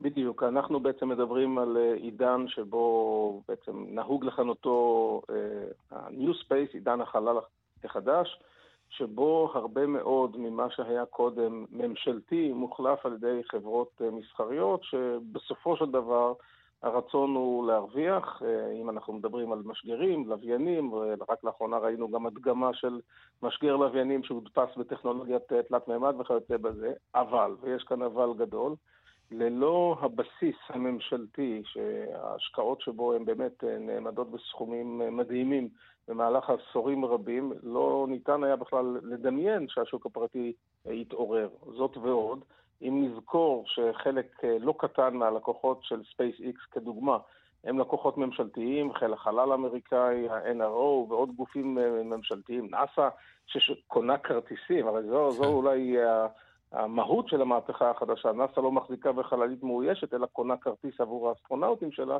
כלומר, יש כאן בהחלט עדיין תמיכה ממשלתית רחבה ביותר. והאספקט הצבאי, אי אפשר בלעדיו, של כל המרוץ הזה? תראה, אנחנו לא יכולים להרחיב יותר מדי, אבל כן, כמובן, אנחנו מדברים על שימושים ביטחוניים מגוונים ביותר. הייתי אומר שאולי אחד הדברים המעניינים ביותר סביב המלחמה של רוסיה נגד אוקראינה זה השימוש בנכסים חלליים אזרחיים ומסחריים למטרות צבאיות, כשכאן אפשר להזכיר מחד... סטארלינק? ש... כן, כן, סטארלינק ודאי, כ... כאמצעי תקשורת ומשהו שבעצם נטרל את היכולות הרוסיות לחסום תקשורות למגוון יישומים, אבל גם שימוש נרחב ביותר בלווייני תצפית, לווייני חישה מרחוק. מסחריים על מנת לאפשר לאוקראינים להבין מה קורה ובעצם לייצר מטרות עבור תקיפה. ואנחנו בהחלט אה, רואים יותר ויותר אה, השקעות ממשלתיות אדירות Mm-hmm. בתחומים הצבאיים, תוך כדי אה, הבנה שבעולמות הסייבר למשל, אתה יכול לתקוף בין אם תחנות קרקע, בין אם את התקשורת, או אפילו את הלוויין עצמו, באמצעים שונים. רק לאחרונה ראינו, שוב, מטוס חלל אה, של סין, שהוא בעצם המקבילה של מה שיש לאמריקאים, משהו שיכול, אה, אין אוויר, אז אי אפשר לרחרח, אבל אפשר להתקרב ולבחון מה קורה בלוויינים של מישהו אחר. אם אתה יכול להתקרב, אתה יכול גם לקלקל. ברור. ואם אנחנו מדברים על הנושא הזה, מה בעצם המטרה? הברית באה ואומרת, אנחנו רוצים את משימת ארתמיס, כלומר להנחית אדם על הירח. הפעם האחרונה שזה קרה זה 1972, לפני יותר מ-50 שנה. אה, למה בעצם? הרי אין לזה שום ערך מדעי, מחקרי, שום דבר למעט אולי אגו, או שהם צריכים לעשות את זה כאבן דרך לקראת מאדים. תראה, הסיסמה היא באמת אה, אבן דרך אה, כלפי מאדים, כי אנחנו מדברים על משהו שהוא הרבה יותר קרוב, יותר נגיש, אה, יותר קצר, משך המסע כמובן, ו... אז זה דבר אחד. אבל אני קצת הייתי אומר חלוק על הקביעות שאין מה לחקור. אנחנו ביקרנו בירח לפרקי זמן קצרצרים, ועכשיו אנחנו רוצים לנחות במקום שבו אנחנו יודעים שיש מים, בצורה של קרח כמובן, ולחקור עוד הרבה למשך זמן, ואין לדעת לאן הדברים האלה כמובן אה, אה, יתקדמו. כך שקודם כל, עדיין, מחקרית בוודאי שיש, מה לעשות שם. מעבר לזה, אה, כל דבר שמלמד אה, על שהייה ממושכת של אנשים בסביבות קיצון, כמו הירח שלנו, זה משהו שמקדם אותנו לכיוון מאדים. רק לאחרונה שמענו הצהרה מסין שהיא מתכוונת להגיע למאדים, כנראה לא מאוד מאוד רחוק, ואז ייתכן שאנחנו נראה איזשהו שידור חוזר של אה, מרוץ החלל, כשהפעם היעד הוא מאדים. אה, שזה אגב תועד באופן נפלא, אמנם באופן אה, שונה קצת ב- אה, בסדרה מצוינת שנקראת עבור כל האנושות, אה, שהיא אה, מעין היסטוריה חלופית שבה ברית המועצות נחתה ראשונה על הירח. ואם אנחנו בעניינים של, אה, אתה יודע מדע בדיוני, שהולך ונהיה יותר ויותר מעשי עם הזמן, אה, מתי נראה, להערכתך, מושבה על הירח, אולי על האסטרואידים, אולי על המאדים? זה משהו שניתן לצפות לו בימי חיינו, חיי ילדינו? תראה, קודם כל לגבי ימי חיינו, אתה יודע, עכשיו עם כל הסוגיה של השתלת שבבים בגוף ואולי העברת חלק מהתודעה שלנו בעתיד אה, למחשבים, אז יכול להיות שאנחנו נראה את זה. אפרופו מדע בדיוני, שפחות. כן. אפרופו מדע בדיוני, אני מניח שהסבירות לכך אה, איננה גבוהה. והשאלה היא, שוב, שאלה של גם קבלת אה, סיכונים ולקיחתם. מהמם. כי אפשר היה עקרונית, מבחינה טכנולוגית, אם היו ממשיכים את אפולו ולא מפסיקים אותה בראשית שנות ה-70, אפשר היה להגיע לה, אפילו למאדים בשנות ה-90 של המאה הקודמת. אבל uh, יש אולי רצון, אין uh, יכולת uh, להביא את המשאבים הנדרשים, והם כנראה כבדים ביותר. אז מושבה זה עוד רחוק, אבל תחנת מחקר שמאוישת uh, פרקי זמן ארוכים על הירח זה משהו שעקרונית, בהינתן תקציב, לתוך אה, עשר שנים ומעלה אפשר לייצר. אבל uh, מעבר לזה, מאדים, אני חושב שהבשורה הטובה היא שהאנשים הראשונים על מאדים כבר נולדו. הבשורה הפחות טובה, אני מעריך שהם לכל היותר בחטיבת ביניים איפשהו בעולם. תודה לך על הדברים האלה. טל ענבר, מרתקת תמיד. תודה רבה.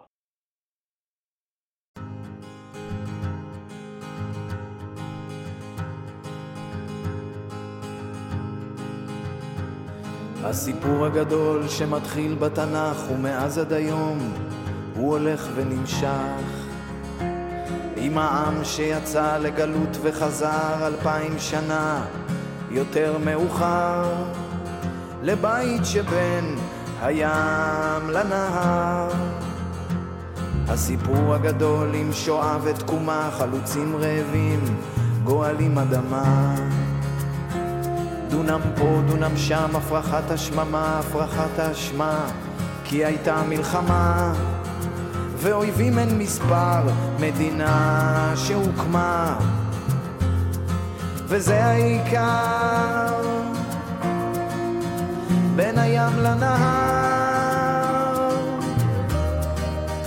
בין הים לנהר.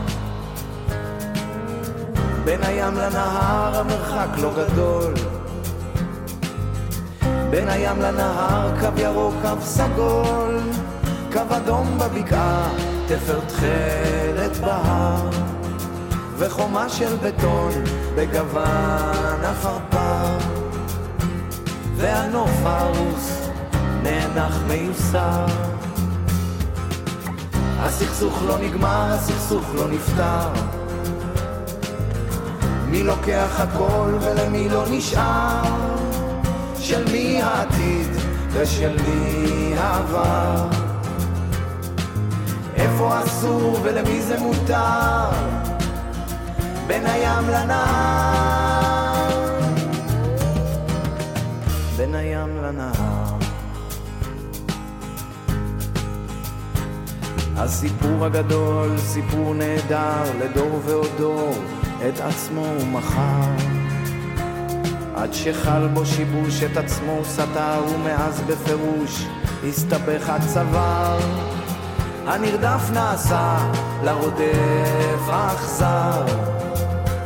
בין הים לנהר יד החוק כבר תקצר, ההמון שזרע וההון שקצר. אלימות ושחיתות וכפל מוסר, שררה וכבוד, במקח וממכר, ויד איש באחיו, באישה ובזר. הכל כבר פרוס והכל מגודר והכל מבוצר, כל מגזר ומגדר. בין הים לנהר. הלך לאיבוד הסיפור הגדול, הסיפור הגדול שיודע הכל, מימין ומשמאל, הפוך וישר. שיבין את אתמול ויגיד מה מחר,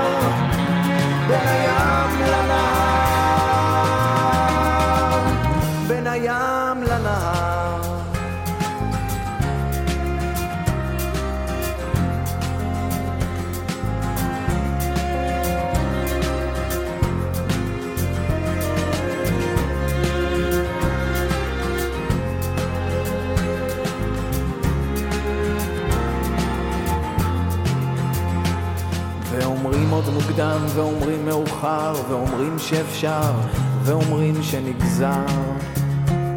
מחכים שיבוא כבר נשיא או קיסר, משיח נביא, מצביא או חייזר, שיודע לפתור את הבלתי נפתר. להביא שוב תקווה, להראות שאפשר לחיות בשלום בין הים לנהר. בין הים שני בניו של האב, שני בני אברהם. שני עמים אוחזים זה את זה בגרונם, וכובש ונכבש, נכבשים עד עפר. אדמה שספוגה בדם הניגר, בין הים לנהר. הלך לאיבוד הסיפור הגדול שיודע הכל, מימין ומשמאל, הפוך וישר. שיבין את אתמול ויגיד מה מחר, בין הים לנהר, בין הים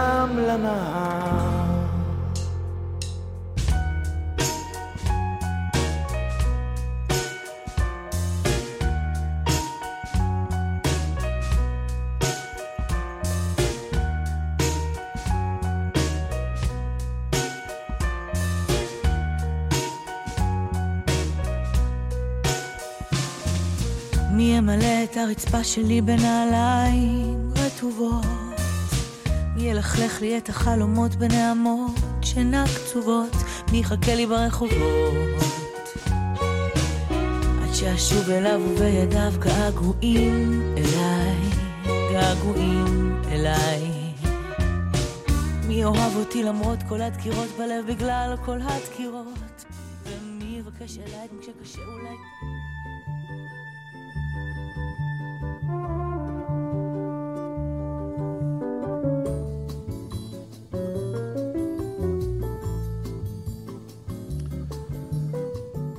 שלום רב לכם ושבת שלום המאזינות והמאזינים. תודה ששבתם אלינו לשעה השנייה של תוכניתנו.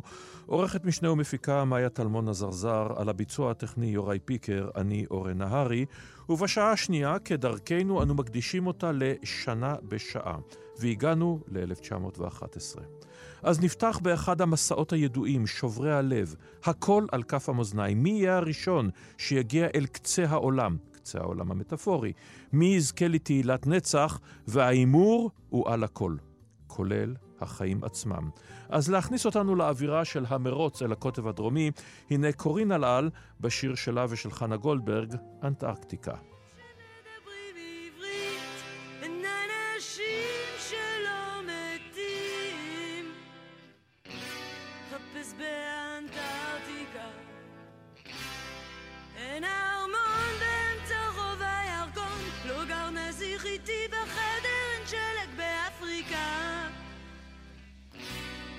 באנטארקטיקה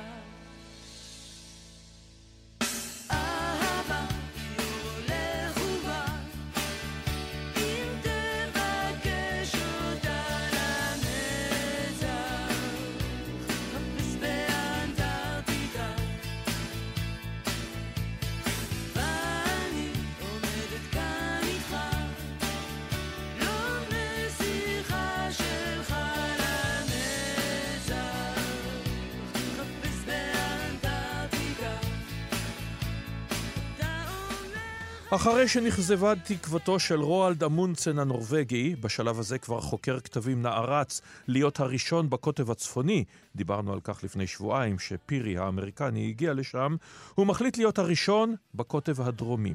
וסיפור המרוץ אל הקוטב הדרומי הוא אחד הבודדים בהיסטוריה שבו המנצח זכור פחות מהמנוצח, מהסיפור שובר הלב והטרגי של קפטן רוברט סקוט האנגלי ואנשיו. שלום לנועם סגן כהן. שלום, שבת שלום לכל המאזינים. שבת שלום לך, גיאוגרף, מרצה, מדריך, גם באזורי הקוטב, צריך לומר. אז בוא נתחיל. אמונצן, צריך לומר, ניצח ביושר. כן, אמונצן ניצח ביושר, אבל אני חושב שהסיפור המלא הוא באמת שני הסיפורים של המשלחת הבריטית והמשלחת הנורבגית, שבדיוק כפי שתיארת, זה בעצם היה על הכל. ולצערנו הגדול, באמת אה, משלחת אחת אה, חזרה, ומשלחת שנייה לא חזרה כלל. אז אם אה, נספר קצת את הסיפור, קודם כל נכניס את המאזינים לאווירה, אנחנו מדברים למעשה על אקורד הסיום, או אחד האקורדים של הסיום, של אה, מה שאנחנו קוראים אה, העידן ההירואי של חקר אנטארקטיקה, וזה אומר שבאמת, כמו שאמרת, כולם רוצים להיות ראשונים. וברגע שנכבש הקוטב הדרומי, אז uh, מעתה נצטרך לחפש uh, דברים חדשים. זה יהיה מן הסתם בשבתות הבאות. היום אנחנו מדברים על 1911, אמונסן uh, יוצא בכלל צפונה, mm-hmm. כי בדיוק כמו שדיברנו אז על פירי ועל האחרים, אז uh, העניין היה בקוטב הצפוני, הוא נורבגי, הוא מקורב לגיאוגרפית, לאזור. הוא התנסה הרבה מאוד בסקנדינביה, בגרינלנד, אז מה פתאום הוא מוצא את עצמו בדרך דרומה? אז מסתבר שכשהגיעו הידיעות על אה, פירי ועל אה, קוק אה, ועל כל הסיפורים שעסקנו בהם ב-1909, אז הוא החליט תוך כדי תנועה שהוא משנה את היעד. זה היה דבר מדהים. האנשים, הצוות שלו בספינה, בכלל לא ידע. הוא שינה את היעד, הודיע לקפטן סקוט, הבריטי, שכבר היה בדרכו דרומה, הודיע מה שנקרא גילוי נאות. הוא שלח לו מברק ואמר לו, פניי דרומה. הנורבגי למעשה, בדרך דרומה. הנורבגי בדרך דרומה, בדיוק כך, וזה למעשה הרגע שבו יריית הפתיחה למה שקראת בצורה הכי מדויקת שיכולה להיות, המרוץ אל הקוטב הדרומי. זה אומנם לא היה מרוץ. אמיתי, כלומר לא היה אקדח שהזניק את המרוץ ואמר למקומות היכון צא, אבל בפועל, מה שקרה... זה, זה הכי קרוב לזה. הם מגיעים, ממש. הם נמצאים במרוץ כדי להגיע ולהקים את המחנה כל עוד אפשר, ואז לצאת אל הדרך ולהקים את המחסנים, את אותם, את אותם מצרכים, להכין אותם לדרך חזרה. כי אנחנו מדברים הרי על אלפי קילומטרים, שאתה צריך לקחת איתך את הציון ואת הכל, אבל אמונצן, בסוף בסוף, יש פה את המקצוען אל מול החובבן. אמונדסן עם האונייה המדויקת, המיתולוגית, האונייה פראם, עם ה... זה שהוא לומד מהילידים, עם זה שהוא מתכונן היטב, ועם זה שהוא מכין את המחסנים אה, בכל הנקודות, והוא עושה מרוץ שגורם לזה להיראות, להיראות קל.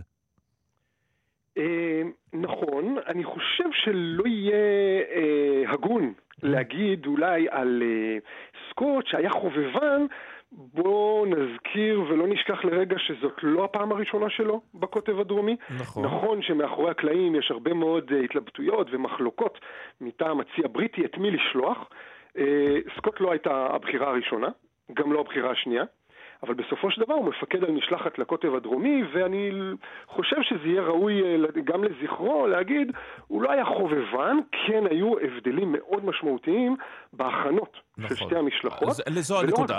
אתה, אתה, אני מקבל, אתה צודק לחלוטין, הוא לא היה חובבן, הוא היה איש מדע, אבל הוא עושה את זה בדרך הבריטית. כלומר, לגרור את המזחלות בעצמם, שזה בלתי נתפס. להסתמך Mhm. על סוסי פוני במקום על כלבים. כל ה... נכון, יש לא- כאן שתי, אה. תפיסות עולם שונות לגמרי, אגב לא רק באמצעים האלה, אלא גם אם נסתכל כמה נווטים, כמה כאלה שיודעים לנווט, היו במשלחת של סקוט, וכמה היו אצל אמונסן. אצל אמונסן היו כמה וכמה, אצל סקוט היה אחד. אה, ההבדל בסוסים ובשימוש בכלבים הוא באמת הבדל מאוד משמעותי. אגב, סקוט בחר גם בסוסים, סוסי פוני, סוסים Mhm. סיבירים, שאמורים אה, להתמודד עם הקור, אבל יש להם את הבעיות משלהם, צריך להביא להם אוכל. הם אוכלים חציר. מהמם. אתה צריך להביא להם אוכל לתקופה מאוד ארוכה. והיו לו גם כלבים, והדבר המדהים, שהיו לו גם מזחלות ממונעות, שזה לכאורה היה אמור להיות אה, שובר שוויון. את המידע הזה אמונסן לא ידע, הוא קיבל אותו רק כשבמקרה לגמרי שתי המשלחות נפגשות במקום שנקרא מפרץ הלוויתנים. אהה. אה, מקרי לחלוטין, הספינה של אמונסן יוצאת אה, לאורך החוף לאיזה מיפוי קטן, אה, מעבירים את הזמן, צריך גם לנסות ולהביא בשר, פינגווינים, כלבי ים וכן הלאה, ואז פתאום הם רואים את הספינה של סקוט. מפגש. ג'נטלמני, יש לומר. כן, הוא לא היה שם בעצמו, כדאי כן, לציין. אמונסן נשאר במחנה הבסיס, כי כמו שאמרת, הם מקימים בקתה, והם נערכים לתקופה מאוד ארוכה, שבמהלכה אה, מטמינים את אותם אה, מחסני ציוד, כפי שהזכרת קודם.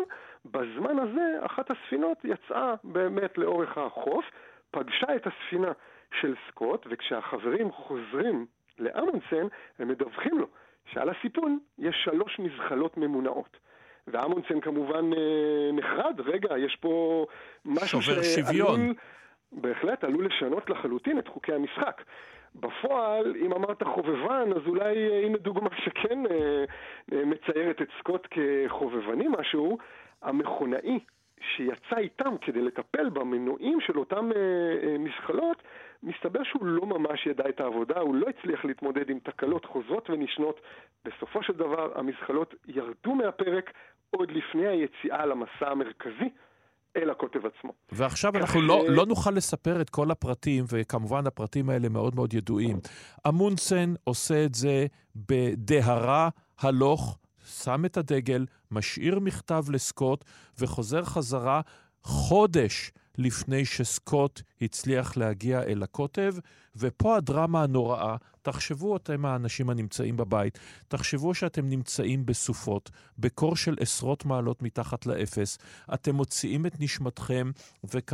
ואתם לא יודעים מה קורה, אתם חושבים שיש לכם סיכוי טוב, ואז ממרחק אתם רואים את הדגל הנורבגי מתנוסס, ואתם יודעים שעשיתם את כל המאמץ הנורא הזה, חמישה האנשים שנשארים שם לשווא מבחינות מסוימות, וכל הדברים האלה מתוארים בצורה כל כך נפלאה ביומן של סקוט, ועכשיו צריך לעשות את אלפי הקילומטרים בדרך חזרה, שבורים בגוף ובנפש.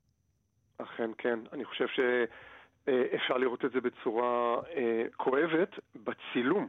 כן. צילום אה, סלפי, שבעצם אה, חמישה אנשים עומדים ליד הקוטב הצפוני, ליד העמדה הזאת שסימן אמונסן והצוות שלו, יש לומר שגם אמונסן כמובן לא לבד, הוא היה שם עם ארבעה נורבגים. נוספים, אבל סקוט ואנשי צוותו מצטלמים אה, עם אה, לחצן כזה, עם חוט שמחובר למצלמה.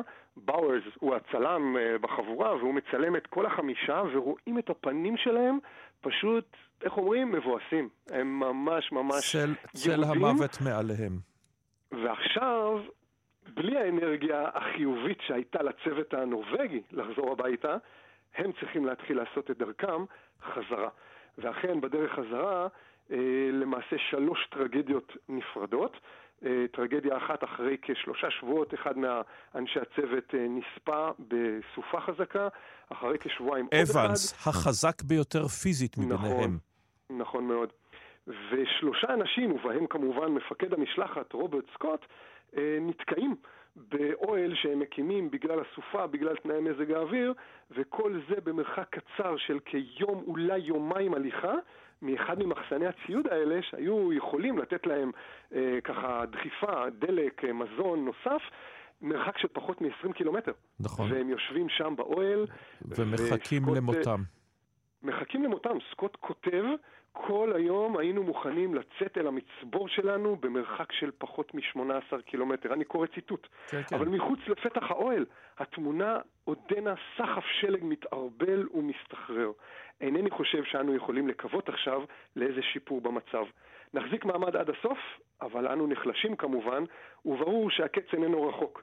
חבל, אבל אינני חושב שאוכל להמשיך לכתוב. רוברט סקוט, רישום אחרון. בשם אלוהים, דאגו למשפחותינו.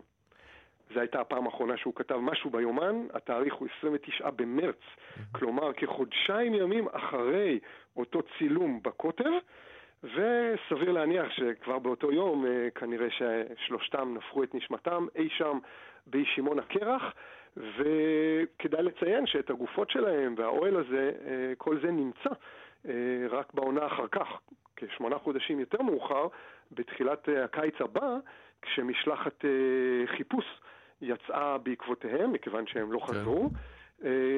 אבנס והבחור הנוסף הם לא נמצאו מעולם, אבל כן. סקוט ושני אנשי הצוות נמצאו שם, וכמו שאמרת, היומן שלו, המצלמה שלו, כל התיעוד קיים. כלומר, זו טרגדיה מתועדת לחלוטין, והצוות הזה לא חזר הביתה. תודה לך על הדברים האלה, נועם סגן כהן, מרתק כתמיד. תודה לכם, וקיץ נעים. קיץ נעים. ב-1911 ארנסט רטרפורד, הפיזיקאי הנסיין הטוב בעולם, מגלה את הגרעין האטום. וקבוצה של קצינים סרבים לאומנים מקימים ארגון, היד השחורה שמו, שמטרתו לכונן מחדש את סרביה הגדולה. זכרו את השם הזה, העולם כולו ישמע עליהם בעוד שלוש שנים. ואנו מאזכרים כל שנה אישה חשובה, מרתקת, משפיעה, שנולדה באותה שנה, וב-1911 נולדה לאה גולדברג.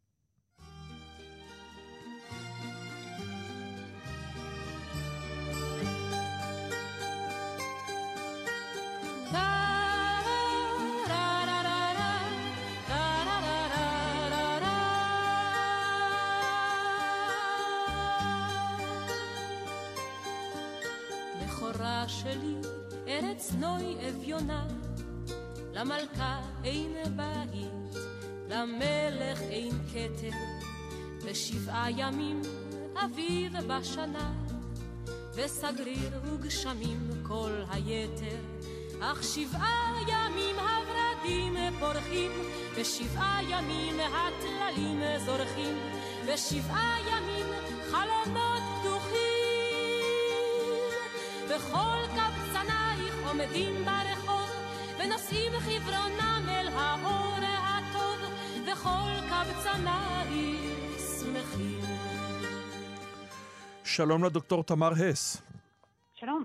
מלמדת בחוג לספרות עברית באוניברסיטה העברית בירושלים, והראש האקדמי של תוכנית רביבים, תוכנית מצוינות להכשרת מורים במדעי היהדות, גם היא באוניברסיטה העברית.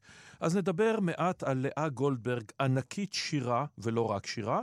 בזמן אמת היא קצת עמדה בצילם של בני דורה, אלתרמן, שלונסקי, כי היא הייתה משוררת לירית, כי היא הייתה אישה, גם וגם.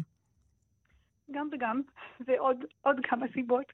אה, זה נכון שהיא עמדה בצילן. אני חושבת שהסיבות אה, שבשלן היא אה, נדחתה אולי, או הודרה יותר לשוליים בעבר, הם אלה שהפכו אותה למאוד פופולרית היום, ואחת הסיבות ש... או הסיבות שבגללן היא מעניינת אותנו עד, עד עכשיו. יש לזה הרבה סיבות. חלק מהן זה ששלונסקי ואלתרמן עוסקים בשנים האלה במשוררים אחרים, במה שהם קראו הגדלים, הדברים הגדולים, הלאומיים, הנושאים הרחבים והקולקטיביים, וגולדברג לא עשתה את זה וסירבה לעשות את זה באופן עקרוני. היא כתבה על זה בזמן מלחמת העולם השנייה, כשפרצה המלחמה, שהיא תסרב לכתוב שירי מלחמה, היא לא תתגייס לדברים הלאומיים הגדולים. היא כתבה על, על לחם, על מים, על, על עיקרה שמגישה לחם טרי, על, על אהבה, אבל לא, לא שירי חלוציות ולא שירי מטאפיזיקה.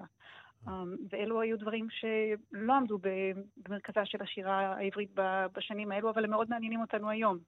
אז אם היום, אני חושבת שאין אנשים שמכירים את שלונסקי, Mm, אלתרמן יש. עדיין נאמנים, את גולדברג אנחנו כולנו משננים ו, אה, ואוהבים.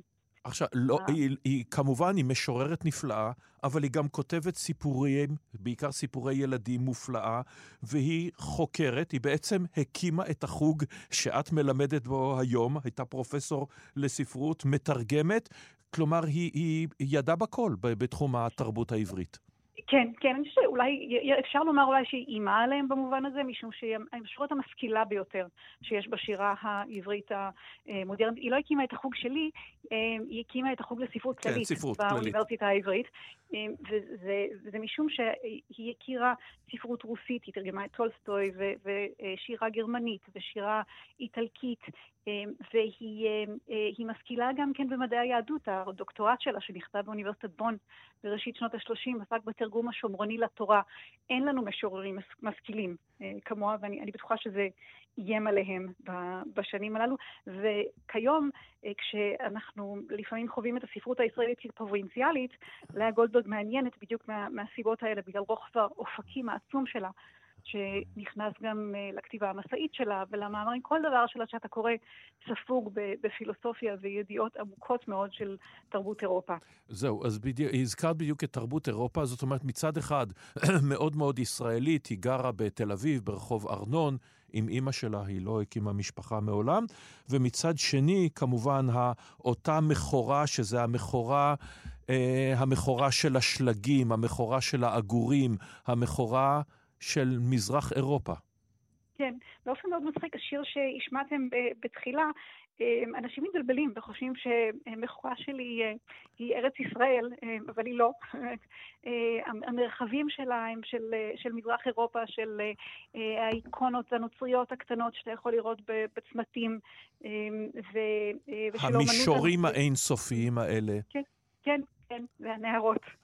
Um, זה, זה המרחב שלה. אתה גם הזכרת שהיא כתבה פרוזה, אה, והיא כתבה באמת גם כן אה, סיפורת שאנחנו קוראים אותה פחות, אבל אה, אחד הטקסטים המרתקים שלה, וזה היה אחד שהיא לא כל כך אהבה בעצמה, היה מכתבים מנסיעה מדומה. מהמם. שהיא, שהיא כתבה באמצע שנות ה-30, והוא שיר אהבה ופרידה לאירופה של מסע ברחבי אירופה. היא מתארת מוזיאונים וערים שהיא, שהיא מבקרת בהם, היא מאוד אהבה לבקר במוזיאונים, וכתבה שירים על, אה, על יצירות אומנות, אה, שירים אקספרסטיים אנחנו קוראים לזה. במכתבים מנסיעה מדומה, אני מזכירה אותו, אה, כי היא, שם היא אומרת דבר שקשה אולי לשמיעה כיום. היא אומרת, בגוף ראשון, הדמות שלה אומרת, אני לא משורר, אני משורר, סליחה, אני לא משוררת, אני משורר. אה? היא ביקשה שיגדירו אותה כ- כמשורר ולא כמשוררת. זה, זה דבר שהוא קשה לשמוע היום, אבל הוא חשוב להסתכל עליו בגלל שאחת הסיבות שגולדברג חשובה לנו זה העניין של הרבה, רבות מאיתנו בדמויות דגם פמיניסטיות ובאימהות פמיניסטיות של, אה, של שירה, אה, וגולדברג מאוד חשובה במובן הזה. אולי גם פשוט אם- אה, סירבה שיגדירו אותה כמשוררת, כלומר, אחת שכותבת רק על נושאים, איך אמרנו, לא חשובים, במק- ולא, בעוד שהיא משוררת או משורר שכותבים על, על הכל. ברגע שאתה כותב על אהבה, אתה כותב על הדבר הכי חשוב. נכון, נכון, אני, אני מסכימה עם זה. Um, כן, ו- ואחד הדברים שבזכותם היא זכורה היום, בוודאי לדורות על גבי דורות של ילדים, זה דווקא הדברים שהיא כתבה, כתבה לילדים. כמובן, אין מי שלא מכיר את יצירותיה הנפלאות האלה. שזה נכון. קצת אה, אירוני בעצם. אה, אפשר, גם, גם את פרס ישראל היא קיבלה על ספרות הילדים שלה, ולא על, אה, אה, לא על ספרות למבוגרים. זה היה חלק מההקטנה הכוללת, אה, והיחס האחר שהיה אז לספרות אה, ילדים.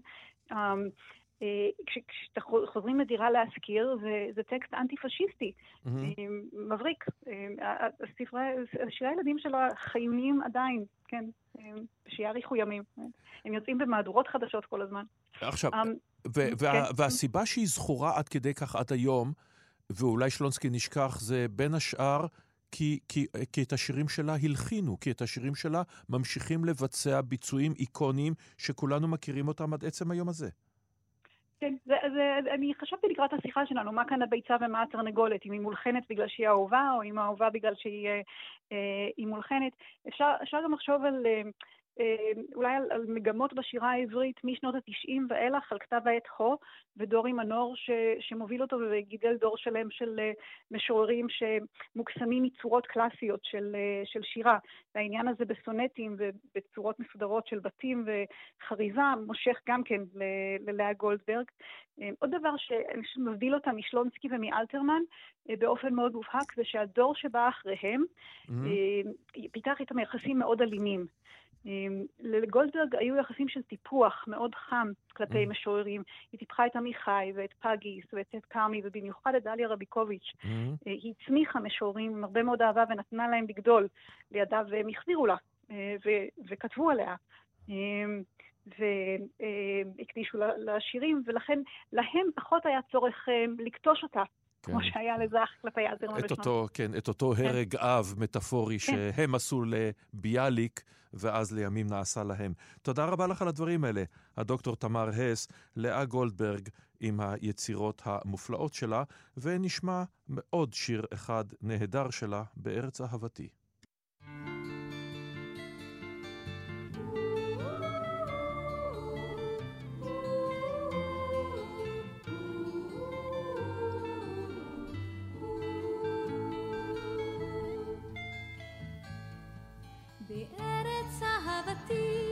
השקד פורח, בארץ אהבתי מחכים לאורח.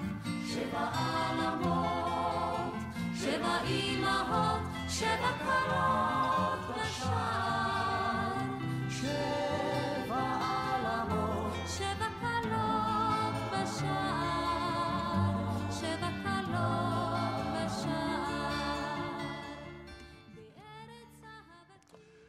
ועד כאן תוכניתנו. תודה רבה לכם, המאזינים והמאזינות שהייתם עמנו. תודה רבה למאיה טלמון עזרזר, המפיקה ועורכת המשנה.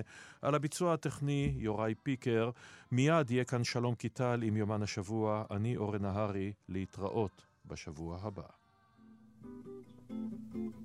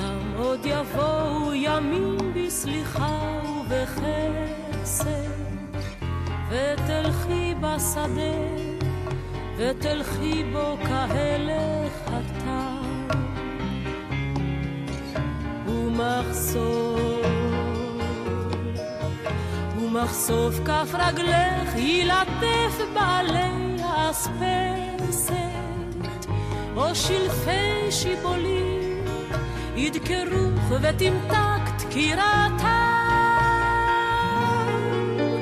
או מטר ישיגך בעדת טיפותיו הדופקת על כתפייך, חזך, צווארך וראשך רענן, ותלכי בשדה וירחב בך השקט כאור בשולי הענן.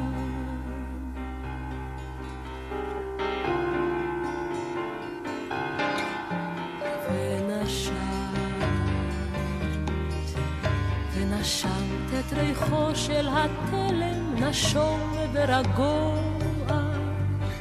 וראית את השמש בראי השלולית הזהור. ופשוטים, ופשוטים הדברים וחיים, ומותר בם לנגוע, ומותר לאהוב, ומותר, ומותר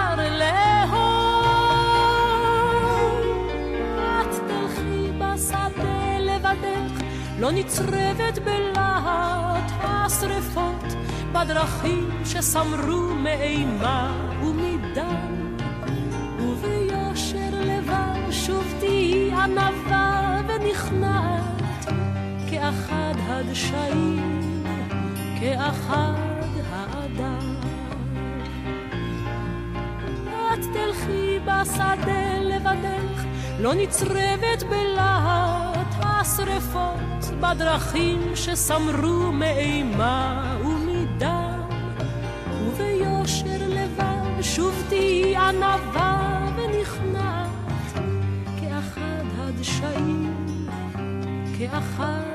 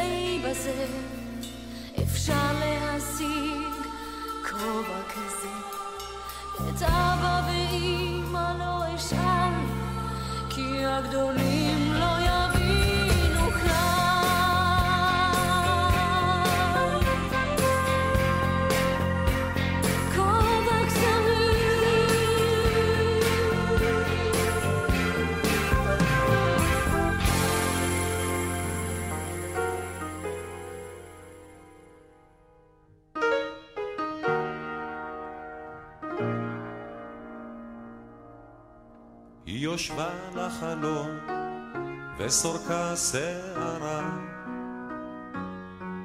בעיניכם היא פרוצה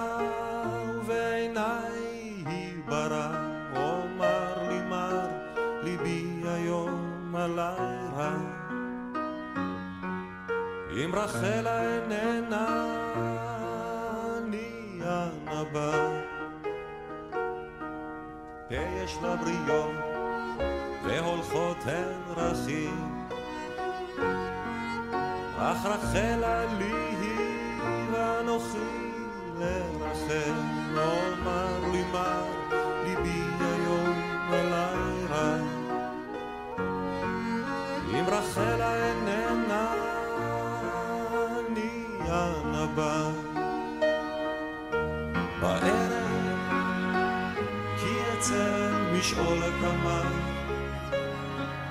ורחלה אין עימי, אין עימי הנשמה. שיבולי, גבעולי, ורחלה עשו שלומי, וענו בי תאחר,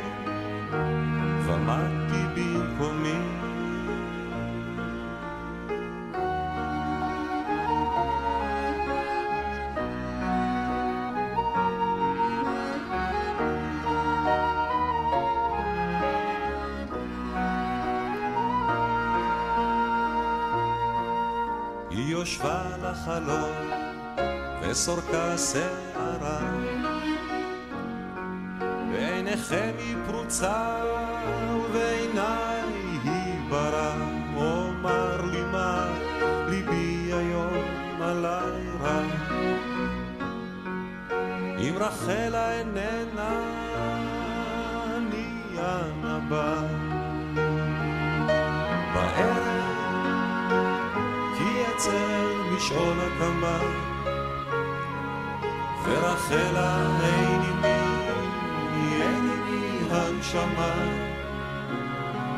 שיבולי, גבעולי ורחלה עשו שלומי ואנו